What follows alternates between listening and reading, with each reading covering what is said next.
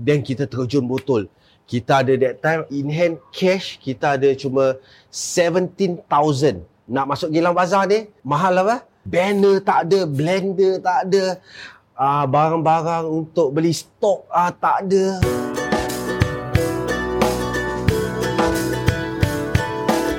Terima kasih Hussein kerana sudi bersama Sujimi Sama-sama. dalam Diari Ayah Plus ni. Saya bila saya pergi ke uh, Mango Bosku dan saya lihat macam mana uh, Hussein buat bisnes ya. Yang satu perkara saya tengok macam saya rasa memang patut you buat bisnes ni you go all the way tu. Yes. You go all the way. Uh, you nak belajar buat uh, Korean famous cheese uh, cheese stick, you pergi Korea. Nak belajar itu pergi Thailand, pergi Melaka. Jadi daripada mana datangnya tabiat ni? Adakah your family pun buat bisnes ke atau memang you sendiri? Tak ada. Benda, uh, so uh, ini saya share sikit. Saya daripada kecil, uh, family, ayah saya saya dah tak jumpa lagi. Ayah saya saya tak tahu uh, dah hilang kat mana. Maksudnya? Dah daripada kecil memang dah ditinggalkan. Oh. Oh. Jadi after that mak saya uh, tu uh, kahwin dengan bapak baru saya ni, bapak uh, ayah tiri saya lah. So sampai kakak saya semua nak kahwin, cari dia tak dapat lah sampai sekarang. Tak tahu Oh. masih hidup ke atau tak ada ke. Family saya ni macam just a normal kan pagi makan, malam makan okay but uh, bila saya nak beli sesuatu barang tu I find that ada kesusahan tak boleh beli on the spot. So that's how macam balik sekolah saya cari kerja. Saya tengok saya tengok drama macam movie lah, macam drama apa eh budak ni kerja dapat duit saya. Asal tak payah pergi kerja eh. Jadi saya pergi kedai, saya balik sekolah ah uh, PMB 4. PMB 4, PMB 5 saya balik sekolah saya nak beli basikal tapi saya tak tak ada tak cukup duit. Mak saya mesti tak kasih. Pasal kita si uh, family sederhana. Jadi okay, saya pergi uh, dekat Tanglin Hall tu saya daripada uh, Tanglin Hall saya tinggal kampung saya dekat Oh, Tanglin Hall 10 okay. tingkat. Jadi Betul. situ ada shop houses. Dan after that saya pergi dekat Apik ni uh, saya tanya dia uncle saya ingat lagi uncle I want to work can. Uncle ni macam you want to work ah? Can. Masa dia ambil saya. Dia ambil saya, saya buat apa? Pack biskut. Biskut, masa dulu dia jual biskut yang one dollar, paket biskut color-color, biskut yang square. So, ah, saya kerja, uh, balik sekolah sampai malam.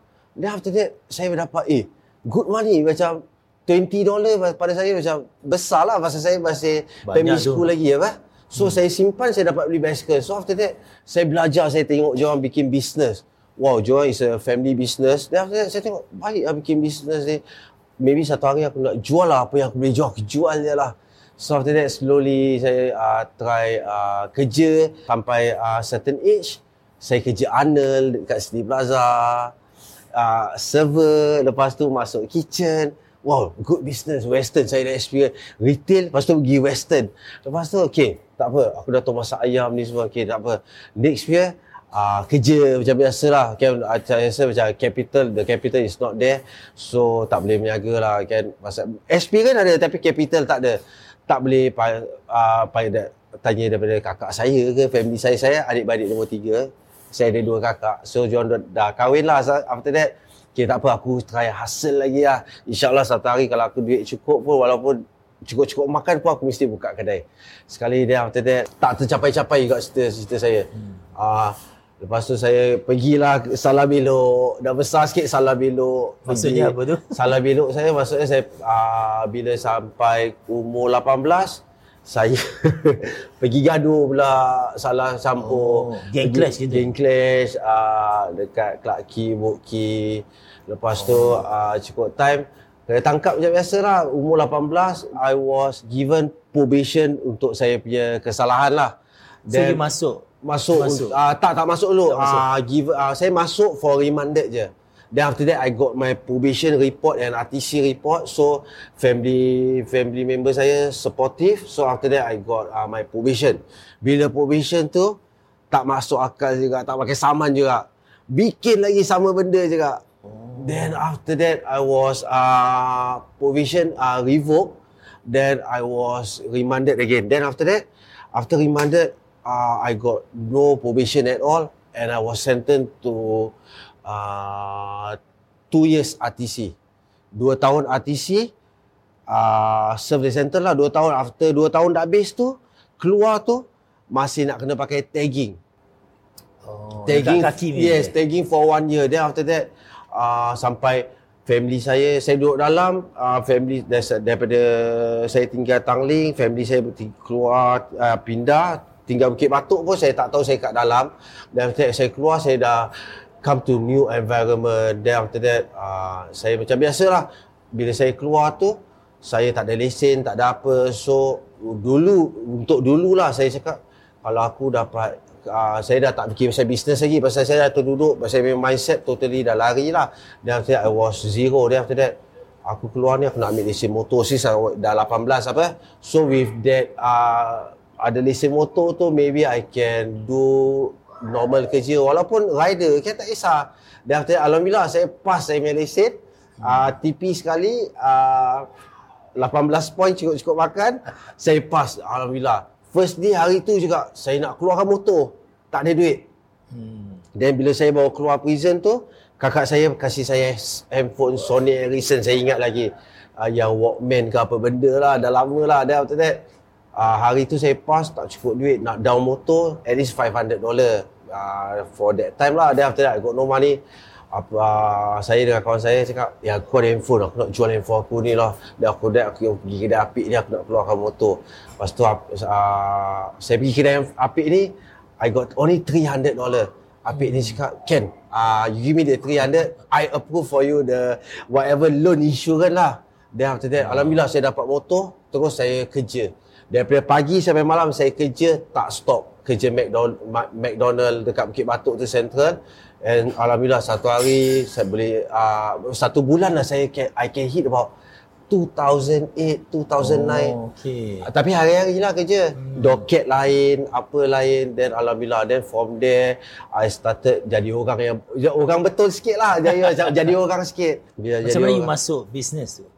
Okay, business masuk business eh. Masuk business tempat uh, cut it short. Uh, saya kerja dekat pasar malam. Dan after that kerja, dah kerja kat pasar malam, jual burger, jual macam-macam benda lah. Daripada kedai sini, pergi sini. Gelang Bazar, saya dengan kawan-kawan saya. Ki, macam mana kita start first business eh. Kita jual air can. Tapi tak ada lesen. Kita jual kat Jucat tu, Wisma Gelang Serai. Ada uh, T, uh, Cross Junction. Uh, ini uh, Tanjung Katong eh. Tanjung Katong kita jual kat situ. NEA datang, kita lari. Macam itu je kita main gitu. Lepas tu actually good money tau. Pasal one can of water, I can, I mean kita talking about mineral water eh. Ah, uh, the cost price is only about taruhlah 4 dollar.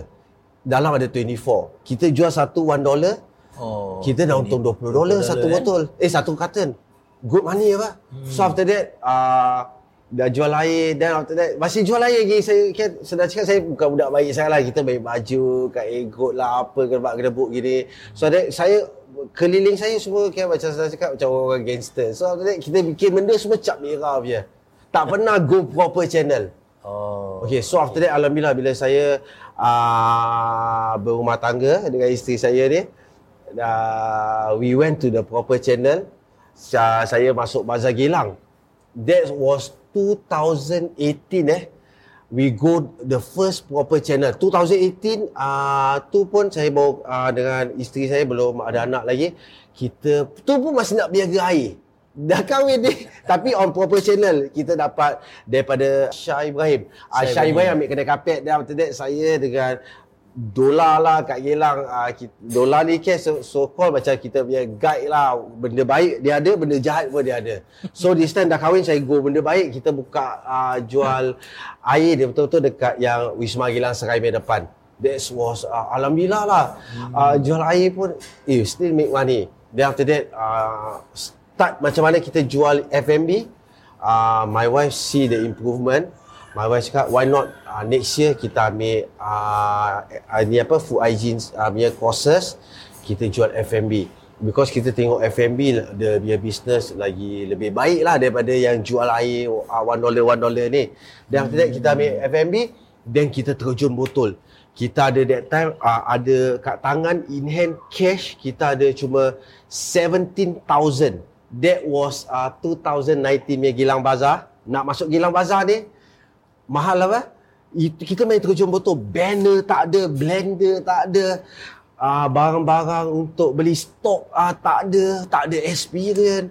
Okay, then after that, bini saya cakap, that time kita dah pergi uh, ke uh, Melaka. Then after that uh, kita dah berbual kan ada so called macam budak-budak JB eh budak-budak JB dulu Mac Rider kat Singapore. Hmm. So ada link lah. Saya pergi sana, member dia punya member, member dia punya member. Itu eh macam mana saya dapat uh, dia punya jurang punya resepi. Uh, resepi apa tu? Mango float. Mango float. Yes. Uh, memang tadi saya dah rasa memang sedap sangat. Cuma okey. Oleh kerana tadi saya cakap you daripada Tanglin Hot eh. Yes. I from Tanglin Hot also. Oh. Saya daripada sana, saya blok 30. You blok berapa? Saya blok 60. Oh, you atas lah. Yes, okay. lepas tu pindah 41. 41. Okay. Saya tahu kehidupan di Tanglin Hawk ni macam mana lah. Saya tu 17 tahun saya kat sana. Uh, dia memang orang dulu kata uh, cap lau eh. Tanglin Hawk cap lau 10 tingkat. Cap lau 20 tingkat. Uh, dan sana dah black area lah. Yes. Yang kita nampak macam-macam. Eh. Betul. Bagaimana, saya nak tanya actually tentang bisnes ni, ni lebih banyak. Tapi sebelum tu saya nak tahu kehidupan you dekat Tangling Hall ni apa yang membuat you sebenarnya uh, kuat yang sebenarnya macam gini? Kuat semangat? Saya tahu kehidupan di Tangling Hall ni berbeza. Orang yang tinggal kat Tangling Hall dia yang tahu keadaan kat sana kan? Tapi apa sebenarnya yang membuat anda nak berubah? Uh, nak buat tadi you cakap buat benda baik lah eh, buat nak jadi orang dan sebagainya. Yes. itu yang saya nak nak tahu. Okey uh, macam mana eh pasal kat Tangling ni dulu saya dah tengok macam-macam orang saya uh, pasal sampai sekarang ni okay, kita talking kita masuk step pak bapak saya eh hmm. pasal every time saya dengar kat mak saya ah uh, bapak kau ni drug addict hmm. apa sebab tu sampai sekarang kau tak jumpa dia tak tahu mana dia dah hilang ke gebak gedebuk lah so uh, bila saya dapat gambaran dia macam saya tak tahu lah kadang-kadang uh, macam ilham tu datang pada kita. Kita dapat macam imagination.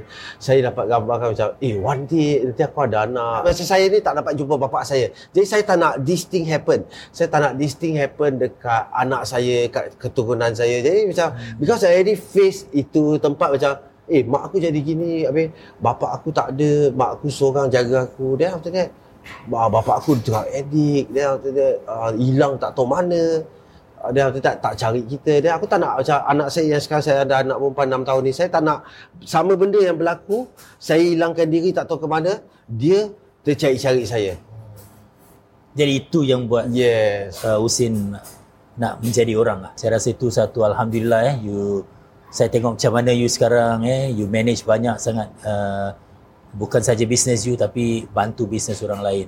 Bila you buat bisnes ni kan ceritakan sikit uh, tentang uh, your best seller yang you dah uh, tunjukkan saya tadi. Tapi ramai yang masih belum tahu dalam di hari ayah ni you ada tiga yang tadi saya tengok. Yes, uh, your burger ramli uh, lagi satu your mango float and Korean famous cheese stick. Yes.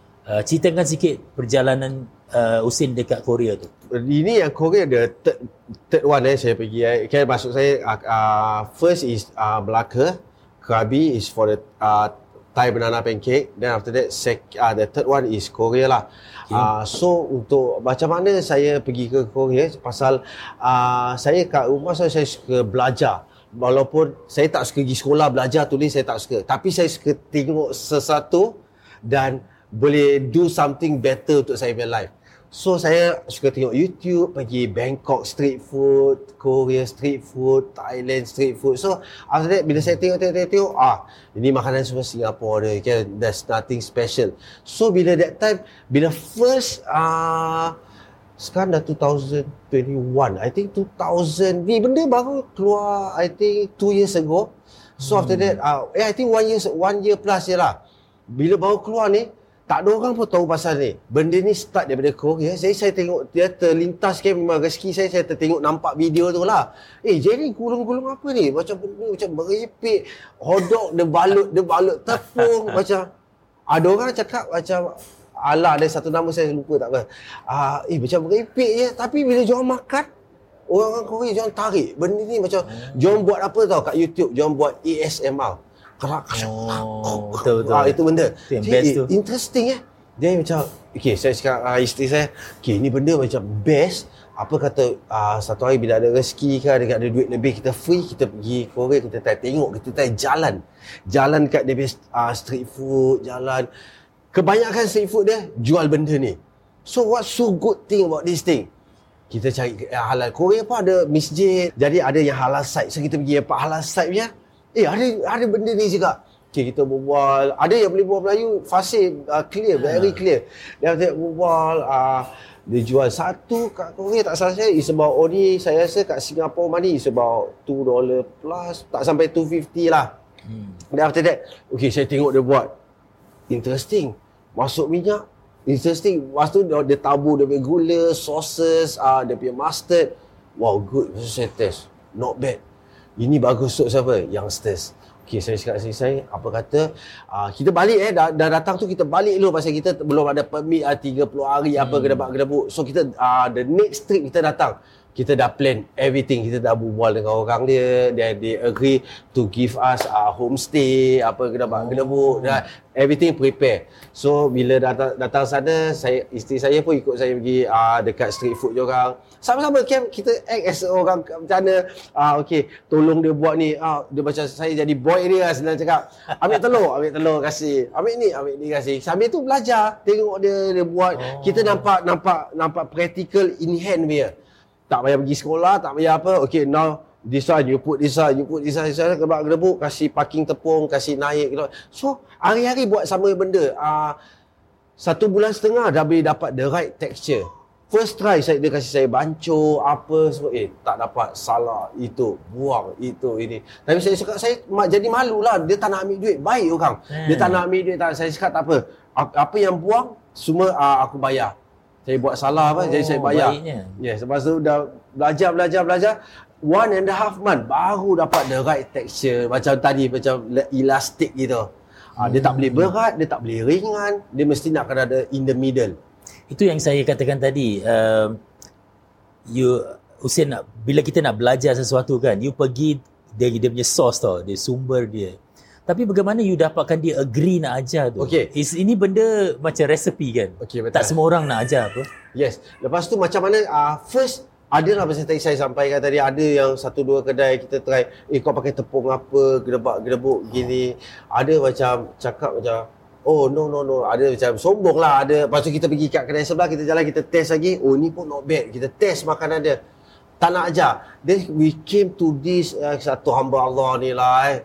Kan lelaki uh, umur dia pun dah let's say he, we talk about uh, dah nak masuk 70-an dia umur. Oh. Babi berniaga, babi macam kesian lah kita tengok dia macam Eh baik macam kita beli Hari-hari kita datang Beli Kita belikan dia makan Kita jalan-jalan beli dia makan ah. Lepas tu uh, Apa ni Belikan air Kasih Kita duduk-duduk berbual. Kita cakap lah kita daripada Singapura uh, kan? Alhamdulillah memang rezeki kita Kita terjumpa dia. Very humble Very friendly. Dan Kalau saya bilang kat sini pun Tak ada orang akan percaya yang Apa yang dia ajar saya ni Dia tak nak ambil Satu sen pun. Wow. Dia tak ada anak kat sana tak ada oh, family okay. uh, isteri dia dah lama lah meninggal so dia anggap dia macam family yes dia satu orang je jadi dia wow. is earning a living kat sana kan senang cakap pagi jualan ni habis habis tak habis kadang-kadang satu hari gaji hmm. dia tak sampai 20 dolar pasal street food oh. apa dia orang kat sana besar Korea is a very big uh, country lepas tu Betul. siapa nak pergi makan kat uh, street food gini tapi street food very happening tapi yeah. kadang-kadang gaji dia tak sampai 20 dolar. Habis macam hmm. dia punya kepasal dia punya apa dia punya situation dah tua. So after that kita berbual sebab tu saya cakap sampai saya boleh tolong dia kat kedai kerja dengan dia dia ajar kita. Lepas tu uh, after alhamdulillah lah after one and a half month kita dapat uh, dia punya resepi. Tapi kita uh, senang cakap saya ni ada hati perut lah. Kita tetapkan kita dah, dah dapat itu belajar satu uh, satu bulan setengah. Dan after that uh, lagi sebulan takkan saya nak. Uh, kan? Apa uh, saya cakap tadi saya dua bulan setengah. Pasal saya tak sampai hati nak tinggalkan dia. Pasal kita kesian. Kita tak nak dia fikir oh. yang kita ni serong macam sokong macam tak kenal budi. Jadi kita tinggal lagi untuk tolong kerja, tolong, tolong bikin wow. bikinkan kedai dia, kasih cantik apa gedebak-gedebuk, tolong bikinkan payung dia. Jadi after that itu kita appreciate dia punya kita dia tak pasal dia tak nak ambil satu sen pun. Hmm. Tu macam you balas budi dia. Yes. Saya rasa macam wah bila saya dengar ni macam sangat uh, teruja macam uh, you belajar orang ni ijazahkan you warisan orang Korea dan Husin bawa ke Singapura dan saya rasa inilah yang menjadi tarikan sebenar uh, makanan ni. Yes. Eh, jadi orang ni macam mana? You ada keep in touch? tak? Ada. Masih, dia kita- masih, ada. Alhamdulillah. Okay, Alhamdulillah eh. Tapi sekarang macam mana bisnes uh, Husin sekarang dalam keadaan yang macam ni? Okay, uh, sekarang situation pasal pandemik ni, uh, untuk saya, saya kan so far macam let's say eh, first saya bikin kedai mango je kat sini. Kedai mango tu ada pancake, ada western. First dulu kedai saya satu je kat sini. Lain semua saya sewakan orang. Then after that, I after fasting month, uh, saya pun tak boleh salahkan diorang juga pasal due to pandemic. Saya pun tak boleh paksa diorang untuk bayar sewa pasal saya take the whole place dekat sini. And die-die saya mesti nak kena bayar at least one month, at least talk, we talking about 30k a month. Oh wow. Okay, the whole place. Then after that, uh, ada vendor tak ada vendor, sewa tetap jalan. And this how much is not a private, uh, it's not a under government, it's private. Hmm. So after that, uh, sebab tu dia orang tak ada so called macam subsidize terlalu banyak lah. Dia only can give us certain subsidize je.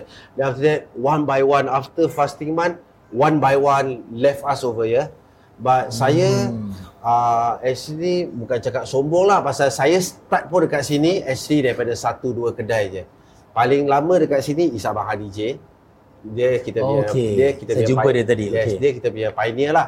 Then after him baru saya masuk.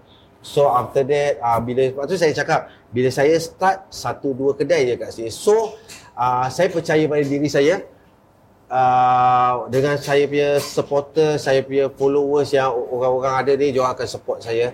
Dia, uh, pasal selama ni apa yang saya kasih diorang, diorang uh, support saya terlalu banyak lah. Hmm. So after that, walaupun saya buka kedai kat sini, saya jual apa benda je bang.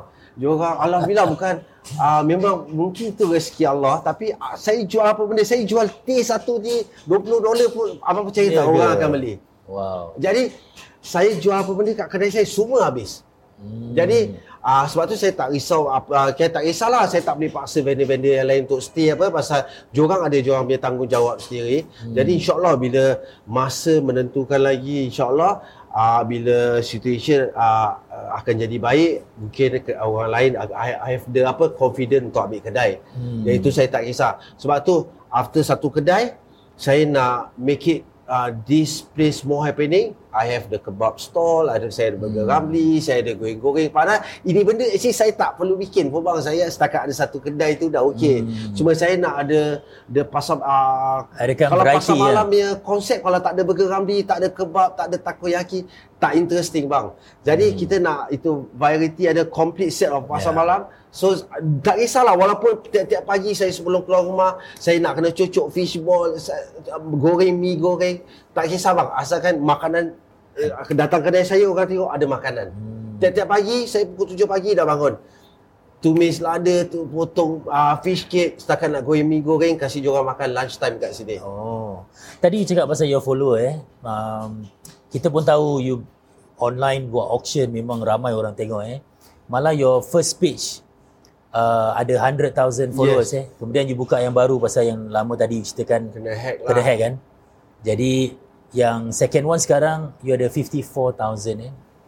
Um, tak ramai yang mungkin gunakan uh, social media sebaik macam mana you gunakan. Kerana you gunakan you engage orang tengok, ribu orang tengok, kemudian digunakan social media tu connect dan you balikkan kepada your business. Yes. So boleh ceritakan your strategi ataupun pendekatan you dengan benda social media ni. Okay. Uh, saya tak dulu tak tahu apa itu IG. Saya tahu Facebook, tengok masuklah oh, upload makan, upload makan. Lepas tu pergi ni ambil gambar, lepas tu upload. Just a normal one. Then after that, sama juga saya tak marketing wise walaupun saya dah dalam segi bisnes jual mango float tapi saya tak ada langsung marketing. Saya tak tahu apa tu marketing pun. Pada saya nak kena panggil one of my friend uh, food blogger datang bikinkan saya advertisement uh, panggil Jenny datang buat video. Dan pasal saya tak tahu apa. Dan after that uh, saya tengah kat Ulen pasal malam bang. We was forced to close 10 day early last year due to COVID-19 lockdown And I was earning damn good that time because saya dekat Ulen pasal malam and saya ada famous Korean stick. One day, I can do about 2,000 to 3,000 tutup Masya mata Allah. bang. Wah. Tapi kita kena tutup and I was jobless. Tak ada saya bikin pasal malam ni full time. Hmm. Jadi, eh tak ada pasal malam lockdown. Mampus nak makan apa, nak pergi bikin apa. Takkan aku nak pergi diet tu korang hantar parcel. Lengit saya. Cannot make it.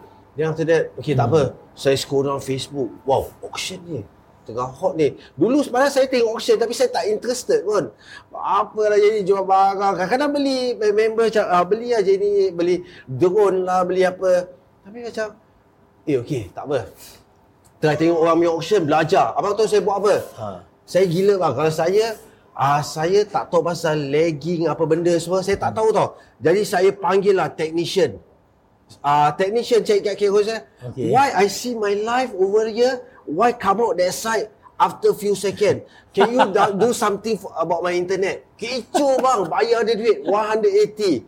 Masih lagging lagi. Saya ingat masa bikin live ni. memang lagging lah. Yes, saya berbual direct dia dapat. Saya cakap satu, dia akan dapat satu. Tak ada bang, dia akan lagi berapa second saya tak tahu. Itu yang kecoh dia. Jadi okey tak apa.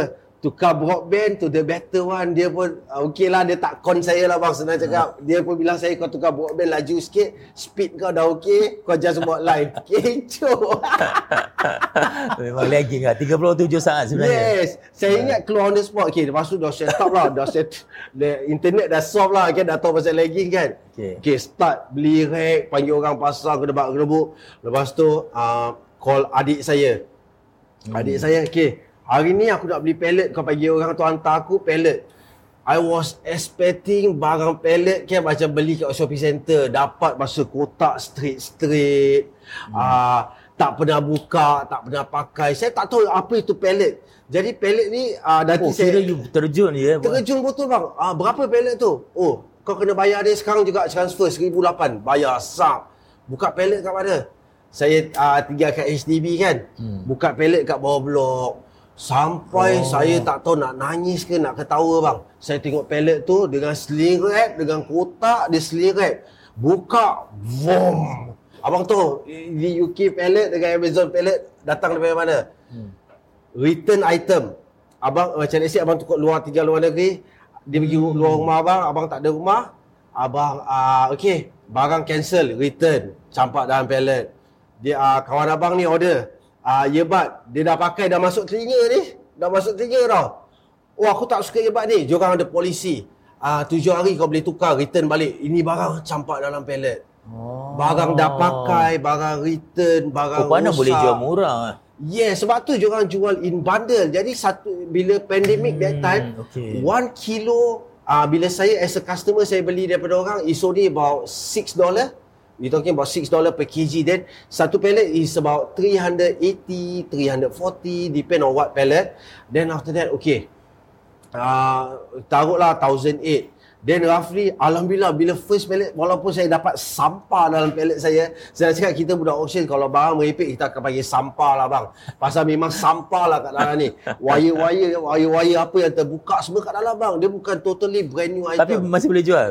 Mas ada certain baru, certain boleh jual, certain uh, return item customer tak suka. Sebab tu kita kena choose. Dia ada dia punya banyak kategori lah. Oh, kira tak you ada benda you boleh dapat benda baik jugalah. Yes. Kadang kita boleh dapat the best best thing kita boleh dapat example Nintendo Switch. Nintendo Switch Oh, that time last wow. year cost about maybe a uh, few hundred dollar kita talking about baru keluar 800 900 dah boleh dapat tu bagus bang dalam pallet. Hmm. Kadang-kadang dapat uh, Dyson Supersonic uh, hair dryer market is about 580 kita dapat dalam pallet tu Oh, oh, kira you tak tahu eh? Yeah, apa, it's a tak tahu apa surprise, benda pun. surprise item. Lah. Ah, surprise kan macam misteri. Kira bukan orang penonton je surprise, you pun Ya, surprise. kita sampai kita dapat pallet kita kita gairah. Dulu lah. Lepas tu pelan-pelan Okay. okay. okay. First pallet saya saya bilang abang uh, saya punya untung uh, saya punya uh, keluar uh, first pallet yang saya jual ya, start jual naik bawa naik barang bang. Banyak, banyak tahu kotak, hmm. 4 5 kotak, 6 kotak, belum bulky item lagi. Belum sampai apa tau. Uh, apa ni? Singapura mana kita pakai heater bang. Diorang tahu heater kat dalam heater je dah, dah makan 28 kilo kat dalam. Jadi kita dah rugi 20, 28 kilo. Oh, So after that kita tak kisah. Lepas tu saya uh, bawa naik barang, jual, susun, nak naik, nak susun, nak QC, nak check barang ni retail berapa, ini retail, airports pun ada. Semua hmm. adalah Apple punya barang ada. So kita kena check. Okay, check ni boleh boleh pakai, kita taruh stack, lepas tu buka live. Ah, kau tujuh lapan orang je tengok baru start ni. Takut barang, Okay, try jual adik saya uh, adik saya ada ajar saya sikit. Kau nak tok barang kau kena kira kau beli barang berapa 6 dollar. Lepas tu kau nak jual, kau mesti kena buka 6 dollar. Jadi at least kau cover balik. Saya pun start. Lepas tu slowly slowly slowly saya ambil ilham semua dah kat depan mata saya. Oh, ini semua orang tengah tengok aku ni. Kan aku macam mana aku nak kasih orang aku penuh ni? Itu je saya punya mindset. Hmm. Aku attract je orang. Tak ada orang bikin start bid zero dollar. Abang imagine saya taruh, saya boleh taruh. Kalau betul saya masih ada video dia lagi. Uh, saya boleh taruh iPhone that time, iPhone 11. Abang boleh tanya siapa-siapa kawan-kawan abang kau kena Mango Bosco. Dia gila. Saya boleh taruh satu iPhone dekat atas meja saya. Saya boleh jual orang start bid zero dollar. Tak ada orang bid. Let's say example orang tu bid uh, 58 dollar. iPhone 11 tu dia punya. Oh, berani itu, ya buat itu yang saya boleh jadi orang ikut saya pengikut saya jadi makin banyak makin banyak. Daripada hmm. situ saya start. Okay. Dan saya dah tahu oh dia orang dia orang suka macam gini punya so called macam content. So after that apa kata aku rugi sikit tapi kebelakangan hari ni all orang-orang ni ada dengan aku. Ya, you dapatkan follower dulu. Yes. Walaupun benda tu rugi. Yeah, so called macam investment ada pergi Betul, tapi betul. Sa- belakang hari saya akan bikin lagi besar lagi. Hmm. Itu that's a good idea tau. Yes. Kira macam you invest, okay lah kita rugi tapi sebenarnya tak rugi. You dapat follower yang susah nak dapat sebenarnya. Yes, betul. Sebenarnya susah nak dapat. Ha, follower. jadi saya bikin tu.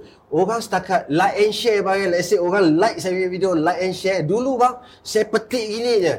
Kau lebih baik kasih aku 400 bukan cara gangster lah. Kau eh, saya cakap, eh, kau lebih baik kau like and share. Saya cakap baik-baik lah. Kau eh, kau like and share kasih aku 400 viewer. Sekarang eh, handphone saya kat belakang banyak bang. Ah, full flip Oh. apa benda. Kau kasih aku 400 viewer, like and share. Aku kasih korang satu handphone. Korang choose yang handphone apa kat belakang. Oh. Aku kasih. Lepas tu the highest yang like and share saya, saya kasih je orang untuk like saya punya page. So kau macam marketing.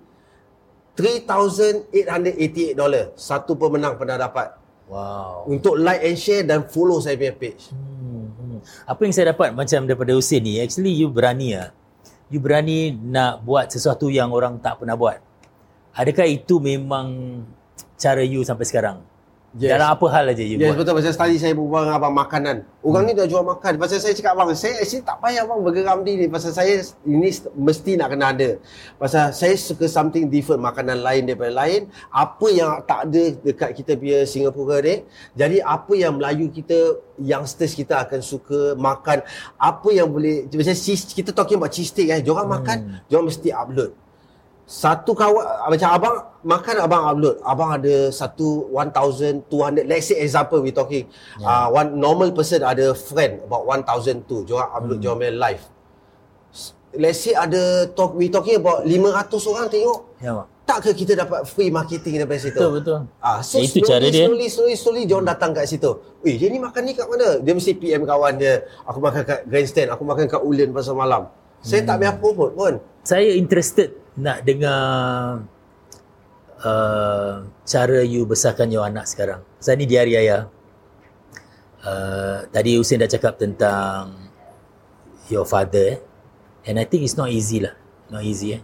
How do you feel bila you tak ada seorang ayah kat sebelah nak tanya apa-apa, nak minta guidance eh. Dan apa yang you buat sekarang bila you membesarkan anak uh, yang umur 6, 6 tahun?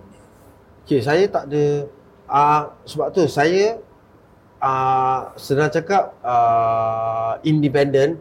Uh, pasal saya memang di bukan di torture tapi memang saya punya life daripada kecil saya cuma ada mak saya je tapi mak saya boleh kasih saya certain limit Then after that another half hmm. saya tak ada bapak saya so I have to depend all by myself. Macam saya cakap macam saya pergi mana-mana eh. Saya apa tu nasi makan nasi dengan garam pun saya dah pernah makan bang pasal uh, mak saya tak ada duit.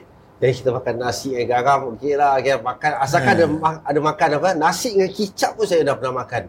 Jadi nasi garam, nasi kicap ni semua saya dah makan. Tapi saya rasa saya tak nak this thing happen to anak saya macam hmm. saya kau boleh nak saya dah lalui. Jadi bila saya ada rezeki lebih bila saya besar dah kahwin saya nak anak saya had to have a better life. Macam walaupun saya nak kan macam tak boleh kasih dia kesenangan tapi ada that certain limit apa, dia tak sepatutnya ada benda-benda macam gini lah. Macam mungkin memang dulu apa yang saya lalui itu rezeki mak saya sampai situ je. Tapi mungkin sekarang ni dunia dah 2021 dunia dah semakin hebat bang. Macam sekarang dah ada handphone dah ada apa budak-budak pun dah pakai handphone. Jadi we have to study bikin anak-anak kita punya mindset masuk to that set, uh, zaman sekarang. Dia tak boleh terlalu hmm. lama sangat nanti akan jadi backdated hmm. senang cakap. So macam diri saya saya uh, boleh apa-apa mana-mana pun saya boleh survive saya boleh jadi independent. Tak kisahlah dalam segi apa pun. Sebab tu bila saya buat sesuatu saya rasa boleh mendatangkan faedah boleh mendatangkan hasil eh. Saya akan usaha fight. Saya akan tahu mungkin hari ni bukan rezeki. Macam saya hari ni saya jual barang ini je uh, limit dia boleh dapat sale. Mungkin dia ditentukan ditetapkan untuk hari ini je.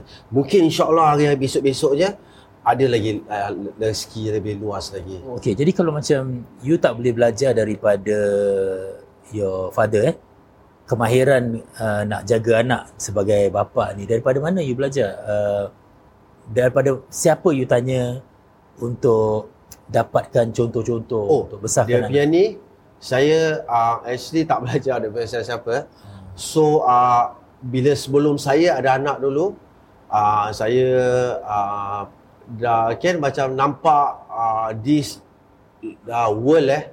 Actually saya bukan cakap pandang hina pada saya siapa saya dah pand- saya dah nampak oh budak ni susah. Uh, anak dia kecil lagi bapak dia tak ada kat prison. Then after that uh, Jenny family gini. Wah saya dah dapat gambaran pasal saya bukan terus uh, hidup dalam oh aku saya tak nampak orang-orang gini. Saya saya dah nampak depan mata saya sendiri. I don't want my daughter, my son to be like this, like this, like this. I want to do something better. So itu ilmu, itu pengalaman kan datang uh, daripada secara fizikal saya fikirkan. Saya dapat itu ilham macam mana saya aja, uh, jaga anak saya sekarang macam uh, uh, semua bapa nak jaga anak dia the best that they could lah. Uh, macam lagi-lagi sekarang kalau kita scroll Facebook nanti kita nampak berarti anak bapa dia bila anak dia bapa dia kerja office. Lepas tu cukup time dia salin baju dia pergi minta sedekah kat uh, macam dos saya macam uh, saya tahu tengok banyak benda mas sekarang social media macam-macam benda. Jadi hari ke hari makin hari sekarang alhamdulillah anak saya dah 6 tahun dia pun hmm. dah masuk. K2 lepas tu dia saya dah pergi primary 1 but actually I pampered her a lot lah macam because macam saya tak tahu lah because last time maybe I struggle too many jadi sekarang ni Alhamdulillah bila saya ada rezeki lebih ni saya pampered dia terlalu banyak dia cakap apa pun bukan saya cakap apa sekarang abang tengok budak kecil she using uh, macam dia cakap sikit eh dia pakai pada pakai iPhone 11 bang dah cukup canggih betul dia cakap saya saya dia nak iPhone 12 mini oh, untuk birthday dia So oh, dah tahu. saya pakai iPhone 12 dia untuk bikin live. Saya kasih dia iPhone 12 mini tu untuk dia. Uh, so actually saya pampered dia. Lepas tu pasal saya tak tahu last time very difficult life. So now hmm. alhamdulillah bila saya ada rezeki ni saya akan jaga dia. Saya akan uh, selagi mana saya mampu lah bang saya akan bikin yang terbaik lah. Semua hmm. ayah akan bikin gitu juga um, saya rasa macam your life ni eh, macam very colourful.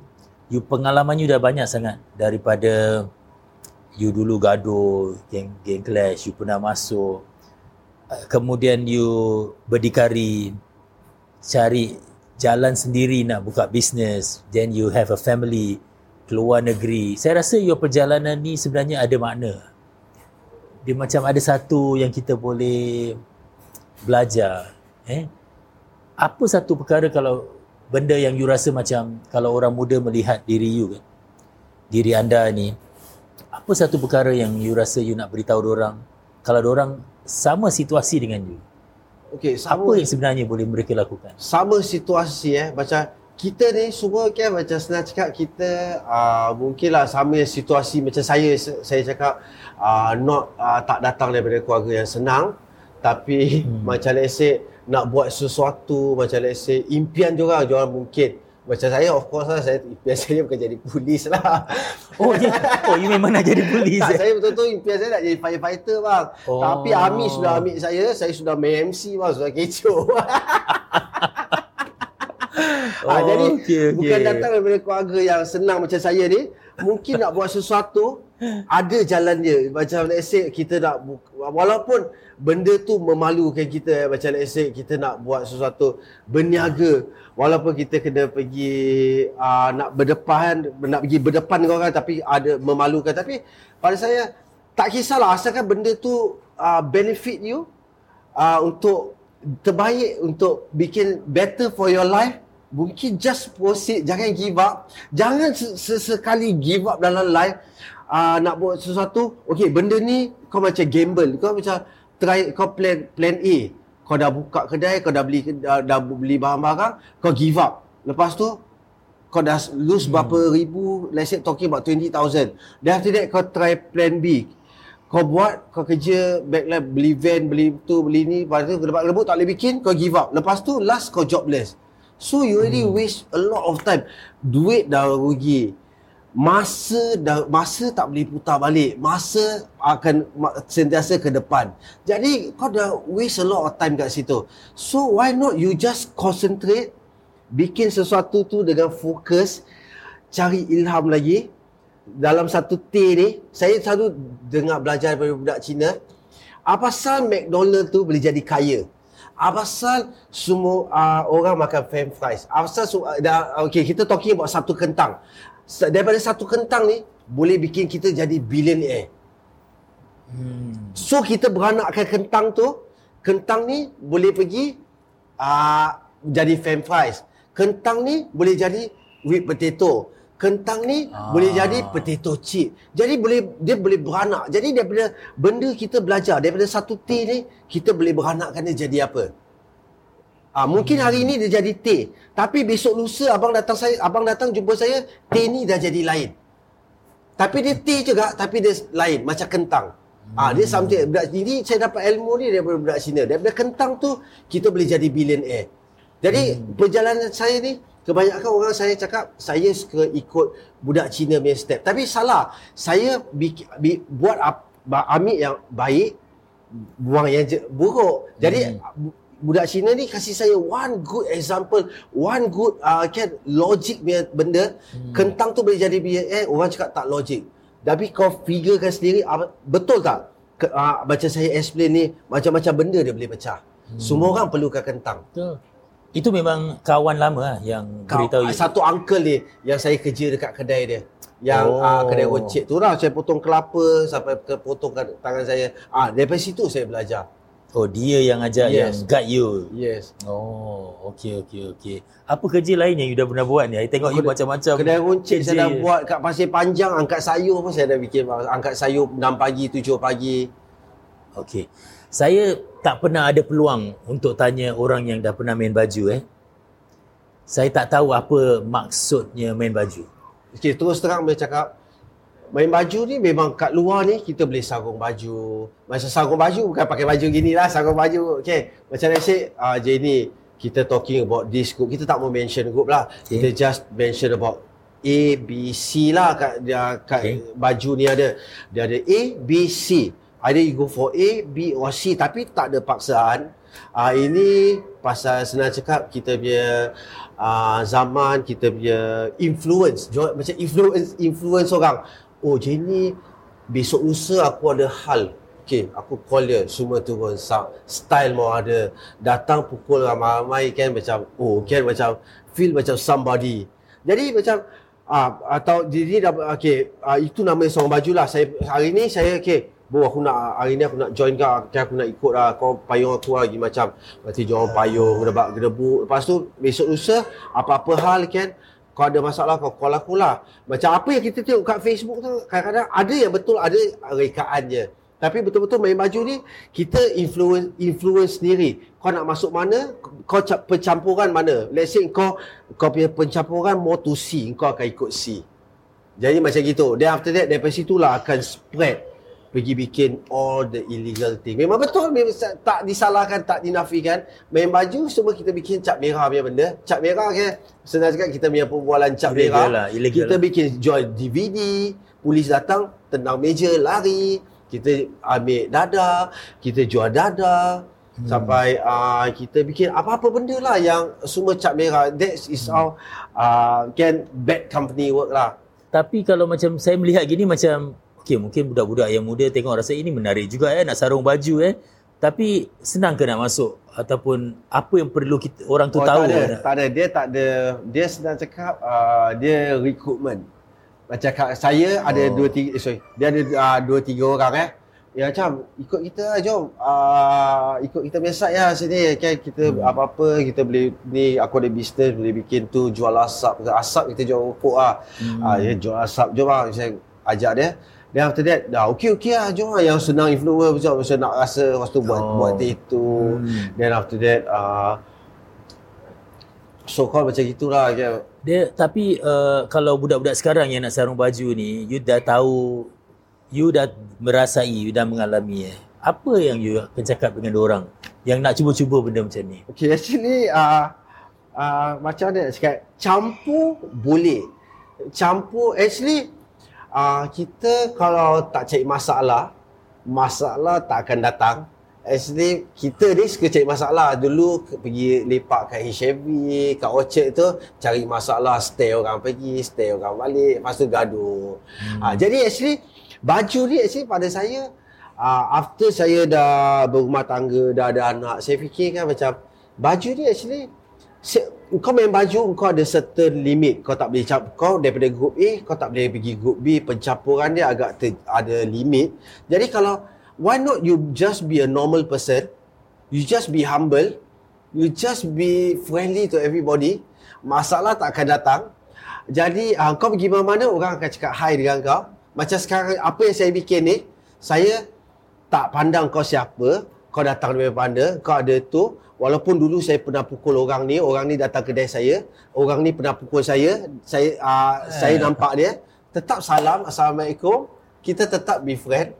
Ah, jadi tu dulu semua kan youngsters punya stage. Jadi hmm. pada saya baju ni tak perlulah actually kan uh, lebih baik just the most important be humble, be friendly kau akan dapat kawan yang baik-baik di keliling kau. Tapi sekarang majoriti alhamdulillah lah banyak yang orang macam saya kita ada tattoo ni banyak dah relax lah dah berumah tangga. Uh, bukan cakap kita ni lagi jahat lah tapi kadang-kadang ada orang macam yang kita di muka sampai muka-muka semua. Kadang-kadang saya lagi kan macam tengok orang dia bukan cakap apa tau, orang punya knowledge kan saya tengok orang punya family concern is really there. Pasal hmm. diorang dah go dia diorang punya hard life. So after that bila diorang ada family, they started to appreciate their family, they started hmm. to think for their daughter, they don't want to lose them, something like that. Apa yang selalu orang salah tanggap? Oh ada tattoo? Ha. Ada tattoo je, gangster je ni jahat. Jangan tengok jalan-jalan sebelah je, jom kita jalan sini. Ada tattoo je gini. Padahal kalau siapa yang sekarang ni, oh kalau mungkin hari ni saya baru jumpa abang first time, orang yang saya punya followers ni tahu orang saya macam mana. Saya uh, tak kisahlah uh, uh, walaupun sekarang senang cakap kawan biar saya uh, tak makan saya let's say saya ada 2 dolar eh saya tak kisah saya tak ada 2 dolar kawan saya perlukan 2 dolar saya sanggup kasih dia 2 dolar walaupun saya bukan baik dia orang tapi mungkin itu 2 dolar akan perlukan dia lebih daripada saya. Okey, sekarang saya nak Husin sarungkan balik baju bisnes lah. Kita dah cakap pasal ni sebagai uh, penghujung di hari ayah ni. Okay.